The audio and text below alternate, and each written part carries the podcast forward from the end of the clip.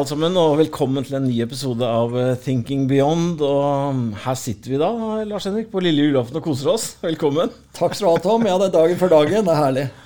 Så mm, ja, litt sånn som jeg snakket om sist gang, så skal vi bruke dagens episode for å snakke Eller bli litt mer en sånn oppsummering. NRK ville altså, kanskje kalt det en kavalkade, Lars Henrik, men vi, vi, vi kjører ikke kronologisk rekkefølge på dette, her, så her blir det mer en oppsummering om årets viktigste begivenheter, og de har det jo vært mange av. Definitivt, altså. Herregud, Tom, hvis du hadde hvis du kunne spå dette her når året starta eh, Jeg hørte ingen noen snakke om noe, noe, noe eh, korona. Eller Merkur-aksje, for den saks skyld. Så her er, det, her er det, det er blitt et helt vilt år. Altså, men vi har landa på beina. Så, så avkastning har blitt god, men det har vært litt av en, litt av en rollercoaster, altså, eller berg-og-dal-bane. Hvert år så leser jeg med, med, med, litt sånn nysgjerrighet på Saxo Bank, som er en sånn morsom du lese noe til, altså. Hvert år så kommer de med sånne ti punkter som liksom kan være helt ekstreme. da. Og da er det bl.a. sånn pandemi som liksom utrydder alle menneskeheten og sånn. men eh, og da ler man litt av det. Men uh, vi må jo nesten begynne med korona, Lars Henrik. For jeg husker jo liksom januar og Jeg satt og leste på sånne BBC, eller så på BBC-videoer av Kina som stengte ned. Og vi brydde oss jo ikke. Det var jo nesten først når vinterferiene kom og skituristene kom hjem. Det var først så, så smalt det som en bom, egentlig. Ja, det er helt riktig. Altså, dette var jo, Man trodde at dette skulle forbli et sånn eh, veldig lokalt kinesisk eh, fenomen i dette Wuhan. Mm. Eh, rundt dette, dette var dette wetfood-markedet hvor det starta, så det spreddes litt ut. Men vi, vi, drømte jo ikke om, eller ingen tenkte over hvordan dette, hvordan dette kunne spre seg og at dette kunne bli det problemet vi har nå har eh, opplevd. Er, problemet har blitt større for resten av verden enn det har blitt for mm. Kina. Mm. De lukket jo knallhardt av og eh, har kommet seg bra ut av det. Andre land der borte, med Australia, men kanskje først og fremst New Zealand, har jo egentlig kommet seg veldig bra ut av det. Så her har vi det som er noe av lærepengen her, eller hva man har lært, er at land har håndtert dette veldig forskjellig. og Vi ser det bare f.eks. mellom Norge og Sverige. Så er det jo veldig forskjellige håndteringer. Nå så jeg senest der for noen dager siden at, at kongen i Sverige tok litt selvkritikk, faktisk. Det er veldig sjelden du sier. Han sier at vi har feilet. Mm. Og det er nok mange her i Norge som har tenkt, og andre land, men man har ikke helt villet si det, for det er jo tragisk. Men uh, når kongen sier det, så må vi også få lov til å si at de har kanskje feilet. Mm. Og Norge har gjort egentlig ganske mye riktig, men uh, gud bedre. Det har, en, det har vært en dyr sak når vi tenker på at det er mange skjebner der ute og mange næringer som har klart det veldig dårlig og fått langsiktige negative effekter, og veldig mange har mistet jobben sin. Så, så det er et år for ettertanke, og spesielt når vi sitter nå i, foran julaften her, så er det mange som ikke, som ikke har det så bra. Det er riktig. Og mm, hvis man skulle kunne snakke, gå litt tilbake til, så, så var det jo sånn at det begynte jo for alvor i mars, og vi, skoler stengte ned etc. Så begynte man jo å se lyspunktene inn, inn i sommeren. Også, ja. Men så var man jo, hadde man hele tiden den frykten at det skulle komme en ny bølge. Men det, personlig også var det veldig mange som trodde at det ikke skulle skje. Men bølge to har jo faktisk eh, blitt veldig mye kraftigere. Vi ser nå store land som Tyskland og Nederland og Danmark som faktisk stenger ned nå rundt juletider. Ja, og man er, man er faktisk redd for at det vi opplever nå som Vi, vi er fortsatt det som heter bølge to.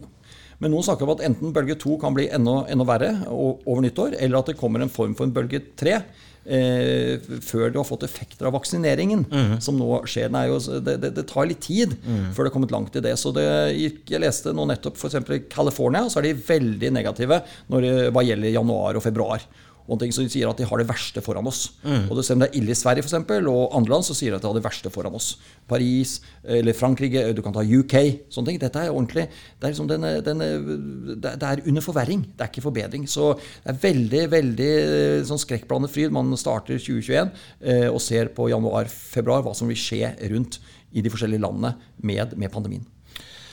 Ehm, men for å, fra vondt, vondt, til glede, for å bruke de ordene, så er det jo også sånn at uh, vi faktisk står foran en, uh, en vaksine. Så det er jo veldig veldig positivt og gjør jo at mange ser et lys i tunnelen her. Men som sier, kortsiktig kan det bli verre. Men uh, det, når vi snakker om årets store begivenhet, så er jo også det ene av de store begivenhetene at vi faktisk har klart å Eller ikke vi.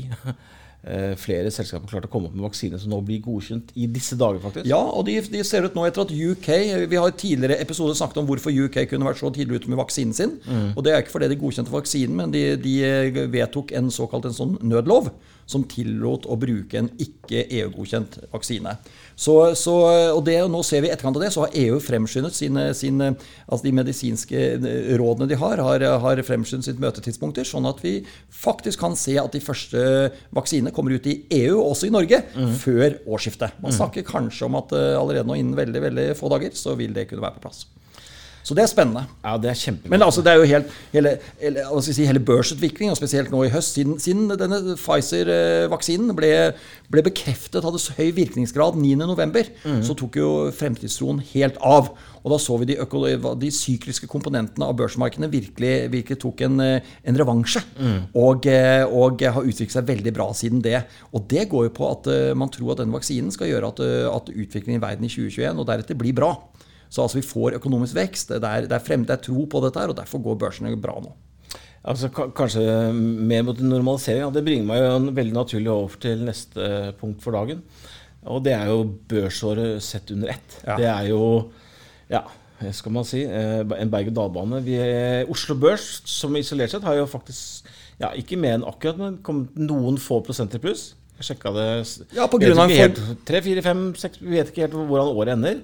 Romjulen pleier å være bra, men vi er i hvert fall eh, på plussiden.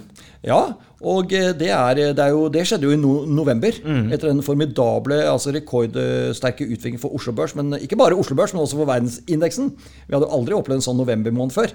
Så det må vi det må ikke glemme. Og det trakk Oslo Børs eh, for første måned siden, siden februar, i, eller januar-februar, ja, for pluss for året. Mm. Men der var det noen få prosentpoeng. Så Oslo Børs må ikke glemme altså ved utgangen av mars var vi ned fem, rundt 25 ikke sant? Og, eh, og, eh, men verdensindeksen i norske kroner var jo bare ned 6-7 Men i dollar så var verdensindeksen rundt 20-21% så nesten så ille som Oslo Børs, men Oslo Børs var verre. Mm -hmm. Og så har jo disse kommet voldsomt opp igjen. Eh, måned for måned nesten. Det er jo mhm. bare én måned som er sånn, litt sånn negativ. Og resten er sterke måneder hvor det alt ble kronet med en fantastisk utvikling i november. Mm. Så ser vi på tallene, Tom, så har dette beviset blitt en, egentlig en uh, veldig sterk måned. Da. Så det ser ut som kanskje får rundt 14-15% avkastning for globale aksjer i norske kroner, og, og over 20 for nordiske, eh, vårt nordiske mandat. Mm. Så det blir egentlig et veldig veldig bra børsår. Hvem skulle tro det, Tom? Mm.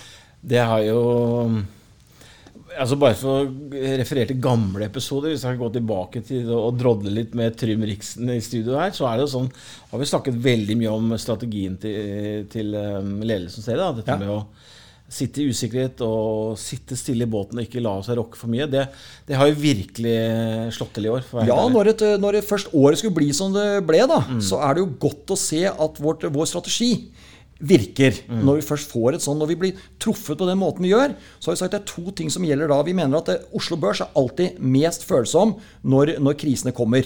Og klarer seg generelt sett dårligere enn de brede markedene, altså verdensindeksen. Derfor har ikke vi anbefalt Oslo Børs. Det har vi ikke gjort på mange år. Vi har anbefalt Norden, og vi har anbefalt globale løsninger. Mm. Og, det, og, vi har gjort det, vi har anbefalt det i usikret valuta, altså i, eh, og det har, det har betalt seg veldig bra i år. Så Derfor har vi fått disse, disse avkastningene jeg snakket om, altså rundt 15 for globale aksjer og rundt 20 for nordisk produktet vårt. Og sett det opp mot da disse 3-4-5 for Oslo Børs. Mm. Og Når du snakker om det med usikret valuta, så refererer man egentlig bare til at man ønsker å være i lokal valuta? Ja, det går på egentlig at For å forklare folk det fort, så går det bare på at du skal opprettholde din internasjonale kjøpekraft. For saken er at hvis, hvis, hvis norske kroner svekker seg, mm. så, så um, vil jo du over, over, tid så vil du få gradvis svakere kjøpekraft av internasjonale varer. Sagt på en annen måte Apple, phone, Apple eller iPhone vil bli dyrere. Mm. For liksom, Du får litt importert inflasjon når norske kroner er svak. Da er det bra at man ligger usikret i sine internasjonale investeringer. For når du, velger, når du veksler da over dine dollar og euro, japanske yen og Hongkong-dollar og britiske pund, investering tilbake i norske kroner, så får du flere norske kroner mm. hvis du ligger usikra. Mm. Da, da får du flere norske kroner å bruke når varen blir dyrere pga. at norske kroner svekker seg. Nemlig. Skjønner du poenget? Og det er det som er, Så det er liksom litt sånn å sikre seg, da. Mm. Eh, det er det som er egentlig bakgrunnen for å ligge dette her med i usikker valuta. Rett og slett å opprettholde i eh, god kjøpekraft også når norske kronen svekker seg. Nemlig. Du, eh, vi skal ikke forlate børsen helt. Vi må jo snakke litt om dette med bærekraft og ESG. for at det Definitivt har vi 2020 Man har jo snakket om dette i flere år, om at uh, det kommer til å bli mer og mer fokus på det. Men i, i, år vil jeg jo si at det har slått ut for full blomst. Uh, Ja, temaet har vi har snakket over noen år, men det er klart i, i år, altså i, i 2020, så har det hatt sin, sin, sitt endelige gjennombrudd, hvis du kan si det sånn. Og det ser vi altså preger for det første hvilke aksjer går bra, hvilke går dårlig. Eh, hvilke nynoteringer har man hatt? Og vi ser at det er én stor trend. Eh, det er at en del nye, nye selskaper som har kommet på børs, har vært relatert til, til bærekraft i form av eh, en, en, miljøsak, en klimasak, rent bærekraftstankesett, mm. et eller annet. Mm. Hydrogen har vært veldig sånn i ilden, men også dette med carbon capture eller havvind mm. og sånne ting. Så carbon capture er kanskje det som står akkurat sterkest nå. For jeg tror folk, som vi har snakket om i et tidligere episode, Tom, så skjønner folk at for vi skal virkelig ordne opp i klimaproblemet, så er det ikke, vi blir ikke kvitt olje og gassen og kullen fort nok. Så da må iallfall, hvis du skal si at vi skal både opprettholde en god økonomisk aktivitet globalt, hvor, det er, hvor, hvor fossile eh, energikilder er en del av naturlig miks, mm. så må du kanskje eh, håndtere klimaproblemet med, eh, med, oppsamling av karbon, altså carbon capture. Mm. Og så må du lagre den, altså storage. og Derfor altså carbon capture and storage. Mm. Og eh, jeg tror at dette er veldig sunt tenkt. Da skal du virkelig løse problemet, så kommer du ikke utenom at du fortsatt må bruke en del fossilt, men du må da samle opp karbonen. Og derfor går disse, disse, disse, disse case casene her, disse, disse selskapene som driver med dette her, veldig veldig sterkt. Mm. Og et av dem er jo Aker Carbon Capture, eh, som ble spunnet av fra Aker Solution. og eh, det skjedde i august og har jo gått, har gått 150 siden. Mm. Og eh, Aker Offshore Vind også, som mer driver mot vindsatsingen. altså. Så her sitter de 15 karer i olabukser, jeg tror det er kanskje noen damer nede på Aker Brygge, og så driver med det her. sånn, så Det er fantastisk hva, hva, som skjer. Så får man stille spørsmål om verdiene blir for uh, høye for fort. Men at dette er truffet blink fra Røkke eh, og folk rundt han igjen, det er jeg ikke i tvil om. Så ja.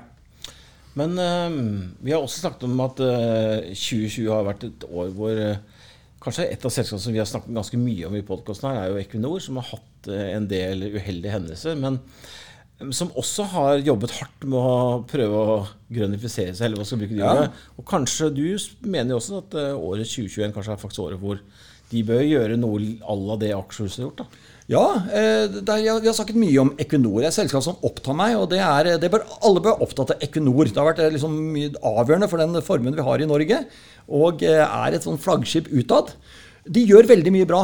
Ehm, Equinor eh, har en reell og stor og god eh, fornybarsatsing, altså først og fremst innen havvind. Jeg Jeg også minner om de er storaksjonær i Scatec Solar. Mm. Men hvis det er havvind. Men samtidig så har de også en veldig stor eh, vekst ambisjon innenfor olje og gass de neste fem, seks, syv årene. Og det er den jeg også har trukket fram. At eh, den her og nå så trumfer den på en måte fornybarsatsingen. Mm. Men, men fornybarsatsingen er ærlig og god. Den, den er bare ikke stor nok ennå. Jeg skulle gjerne sett den enda større. Mm. Men uh, jeg tror at tiden er kommet nå for at, at denne blir spunnet ut, tatt ut i et eget selskap. For jeg tror ikke den tiltrekker seg nok riktig kapital så lenge den ligger som en del av Equinor i dag. For det er rett og slett en del investorer som ikke vil investere inn i fornybarsatsing under et, uh, under et olje- og gasskalde uh, holdingselskap mm. som Equinor er.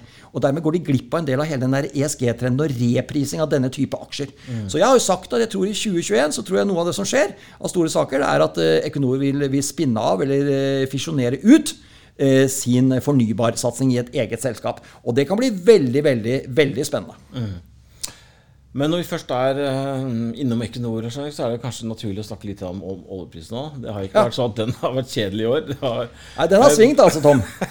Og det er, eh, det er, Den var jo nede i de dype daler på 30-tallet her, når vi var på det verste i mars. Mm. Hvor man trodde at det ikke var fremtidstro, kollaps i økonomisk aktivitet. All transportation stoppet jo opp, spesielt med fly og alt mulig. Man, man så bare, da så man bare svart foran seg og oljeprisen var like så lav. Så har den gjennom nå eh, senhøsten frem mot vinteren kommet seg opp over 50 dollar igjen. Og det er fordi at vi ser at eh, OPEC og OPEC pluss har klart å holde en viss disiplin og unngått at det skapes usikkerhet at en del av de tidligere kuttene som er gjort, skal reverseres for fort før markedet tåler det. Mm. Og Dermed har vi sett at markedet har eh, kommet seg, eller oljen opp rundt 50 dollar. Og det er et fint sånn La oss si man finner sånn ekvilibrium. da, Hvor er, det, hvor er oljeprisen best bør ligge? Jo, det jeg har sagt før, det er jo, det er jo på et nivå som er for lavt til at uh, skiferoljeprodusentene i USA setter i gang altfor mye aktivitet. Mm. Men samtidig høyt nok til at de landene som er store oljeprodusenter, klarer å ha høye nok inntekter for å betjene sine statsbudsjetter. Og da sier man at rundt dette 50 dollar-nivået er nok et nivå som ser ut til å passe begge parter. Det kommer ikke for mye olje ut fra amerikansk skiferproduksjon, og man får ålreit med inntekter, enten man heter Norge eller Saudi-Arabia eller Russland. Men en begivenhet som jeg faktisk må bringe fram når vi først er innom olje, er jo det som skjedde med VTI-en her. Jeg husker ikke akkurat hvilken Det var jo en, en, en sommermåned jeg var, hadde faktisk vært ute og spilte golf. Så da jeg kom hjem, og VTI-en var minus Husker du, husker Lars hvor mye det var? Minus? Ja, men det var en teknisk sak. Ja, Nå det tror jeg VTI-en blir et sånt teknisk begrep på julaften, så, så jeg tok ikke tall. Men det viste at det var, sånn, det var, et, var et sjokk, ja, men det var, noen, det var noen tekniske saker. Ja, det var jo sånn at det var overgang fra ny. Men, men det var, var i hvert fall noe som man ikke hadde sett før. At faktisk Nei. oljen var i minus. eh, Den var i minus, eh, minus eh, noen dollar. Det var det, enten var 7 eller 13 dollar. Ja. Og det var det for man Du kommer til et punkt Tom, rett og slett, hvor noen er forpliktet for å ta det veldig fort. da Si at du har noen avtaler. Du er forpliktet til å motta olje. Mm. Og du kommer til å få oljen levert til deg, men du vet ikke hvor du skal gjøre av den. Det er fullt. Nei, ikke sant? Og da er du i prinsippet villig til å betale noen for å overta den forpliktelsen du har. Ja, for du vil ikke ha den oljen koste hva det koste vil, og det er det som skjedde. Så er faren min, jeg tok var 30, jeg lurer på om minus 30. Ja, minus 30. Eh, minus 30. Men det var- og det det er det du rett og slett måtte Hvor er det noen var villig til å overta ett fat olje og appåtil få, få med seg 30 dollar? Ikke sant? Og sånn er det noen ganger når du snakker om et fysisk marked, og du ikke vet rett og slett hvor du skal gjøre den. Det var rett og slett helt fullt på alle fysiske lagre, eh, virka det som. Nemlig. Men at det var en uh, Vi skal ikke være mer teknisk enn det på en sånn dag som i dag, Tom. Men at det var en historisk begivenhet, det var det i hvert fall. Absolutt. Jeg har Um, nesten glemt det, men det er, er bra. Vi skal, eh, vi skal tusle litt videre. Vi må, vi må vel komme innom at um, det har vært et valg 2020 i USA. Um, Stemmer det. Det er jo i hvert fall uh, sånn at vi kan vel, kan med basically konkludere med at det blir en, en ny president i USA, og at det blir Biden. Men for å, ikke for å snakke for mye om det, men kanskje vi skal snakke enda litt mer om hva, eh, hva børser og markeder kan forvente av en ny president, i form av kanskje i form av renter, stimulus. altså Det er ikke presidenten som styrer rentene, men kan vi, kan vi forvente noe nytt nå eh, med et presidentskifte? Jeg tror det er ganske Nå regner vi med at det blir et presidentskifte som planlagt den 20. Nå skal du det endelig godkjennes jo av Kongressen den 6. januar. ikke sant? Nå er jo valgmannen i desember ble jo da ble jo, de, de, Tellingen stemte, og alle, alle valgmennene ble registrert, og alt er bra. Og så er det 6. januar da endelig eh, godkjennes dette her av, av Kongressen. Og så, og så visepresident Pence, som da, som da, da sier da pres, ny president endelig valg, og skiftedato er 20. januar. Det som da vil skje, altså alle vet hva som eh, vil skje her. Vi vil få noen signaler på dette med finanspolitiske tiltak, altså støttepakker. Kommer, Det er lovet, vi vet bare ikke helt omfanget av det. Men det er klart den nye presidenten her er kjent for en ting. Han vil ha med å holde liv i økonomien. Han kan ikke slippe taket nå. Så her blir det, og Økonomien nå er ikke selvbærende. Den er, det er veldig spesielt For små og mellomstore bedrifter i USA er det kritisk dårlig. Og som jeg nevnte i stad, så kan vi ha en veldig tøff vinter foran oss før dette med vaksine virker. Så her må det store og betryggende eh, finanspolitiske tiltak eh, på, på, på banen. Så det vil komme. Så er det da markedet tenker at ok, eh, sånne finanspolitiske tiltak og aktivitet i økonomien, når blir den aktiviteten etter hvert for stor, sånn at etter hvert renta, inflasjonsforventning begynner å komme, og rentefrykten begynner å komme. ikke sant? At, mm. at renta skal, eh, skal stige en eller annen gang. Jeg tror ikke det blir noe stort tema i 2021. Så Derfor er det jeg tror jeg ganske tror at disse, disse, disse finanspolitiske programmene vil virke ganske bra. Økonomien, markedet, Aksjemarkedet vil like hva det ser. Det vil liksom legge en bunn under markedet. Og så lenge ikke rentefrykten kommer, så ser alt ut til at 2021 kan bli et ganske ålreit børsmarked. For rett og slett fordi økonomien kommer til å være bra. Det er jo viktig å vite at for aksjemarkedet er det ikke alltid viktig hvor nivået på økonomien er, men retningen. Så, det er liksom, så kommer det fra noe som er jævla dårlig og blir litt bedre, så liker markedet det. Eller om det er veldig bra og blir enda litt bedre. Det er, liksom, det er bare at retningen er riktig, altså oppover. Eh, ting beveger seg liksom med positivt fortegn. Det er det viktige for børsmarkedene. Da er økonomien i bedring. Og det er det vi ser i 2021. At 2021 vil jo bli bedre enn 2020 alle kvartalene over kvartalene. ikke sant? Så hvis vi ikke får en brudd i det der forventningsmønsteret der, så ser det bra ut, Tom. Så bra, Lars Erik. Vi nærmer oss slutten for året, for å bruke de ordene. Um, tenkte kanskje en sånn liten fun fact som vi kan snakke om, som ikke er så veldig morsom. Da, men vi ser at, um, at FN har en sånn ja, Er det årlig, må, årlig, årlig måling som, for å se hvilket land som er best å leve i? Beste land, ja. Og da- Beste utvikler og beste land. Og da mm, Parameterne de ofte bruker, har jo både med helse, levestandard, utdan- utdanningsnivå og bruttonasjonalprodukt, så har jo Norge ligget helt i toppen. Men i år derimot så har FN tatt med en ny parameter som måler natur- og miljøkostnaden. Og Ja. da, da byksa vi litt nedover på lista. Det ble ikke man sier byksa ned, kan si. Ja, du iallfall falt nedover. Vi falt i 16.-plass.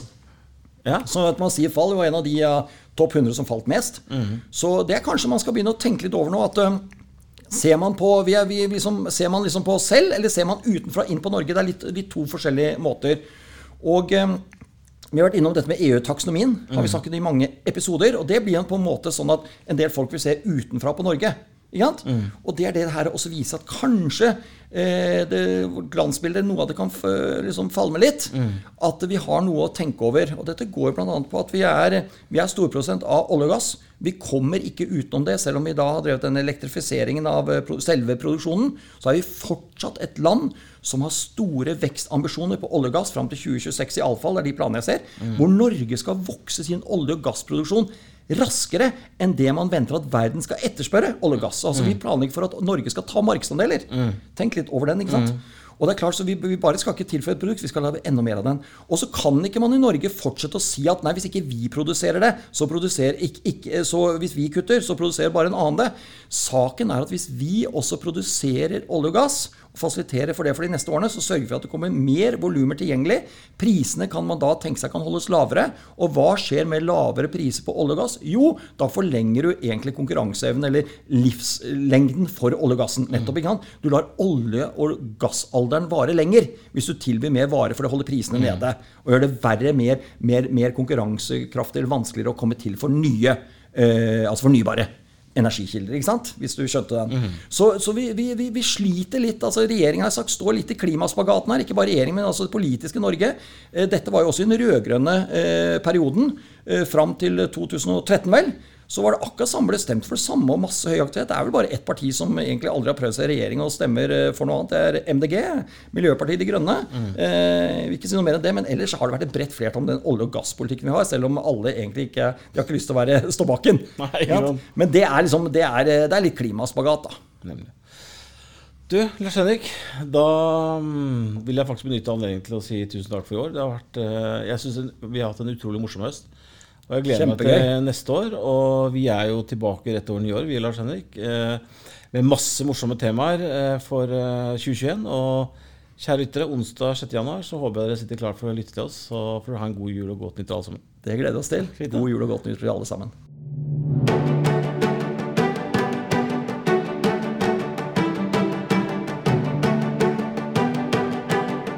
Du har hørt på Thinking Beyond, en podkast fra Formuesforvaltning.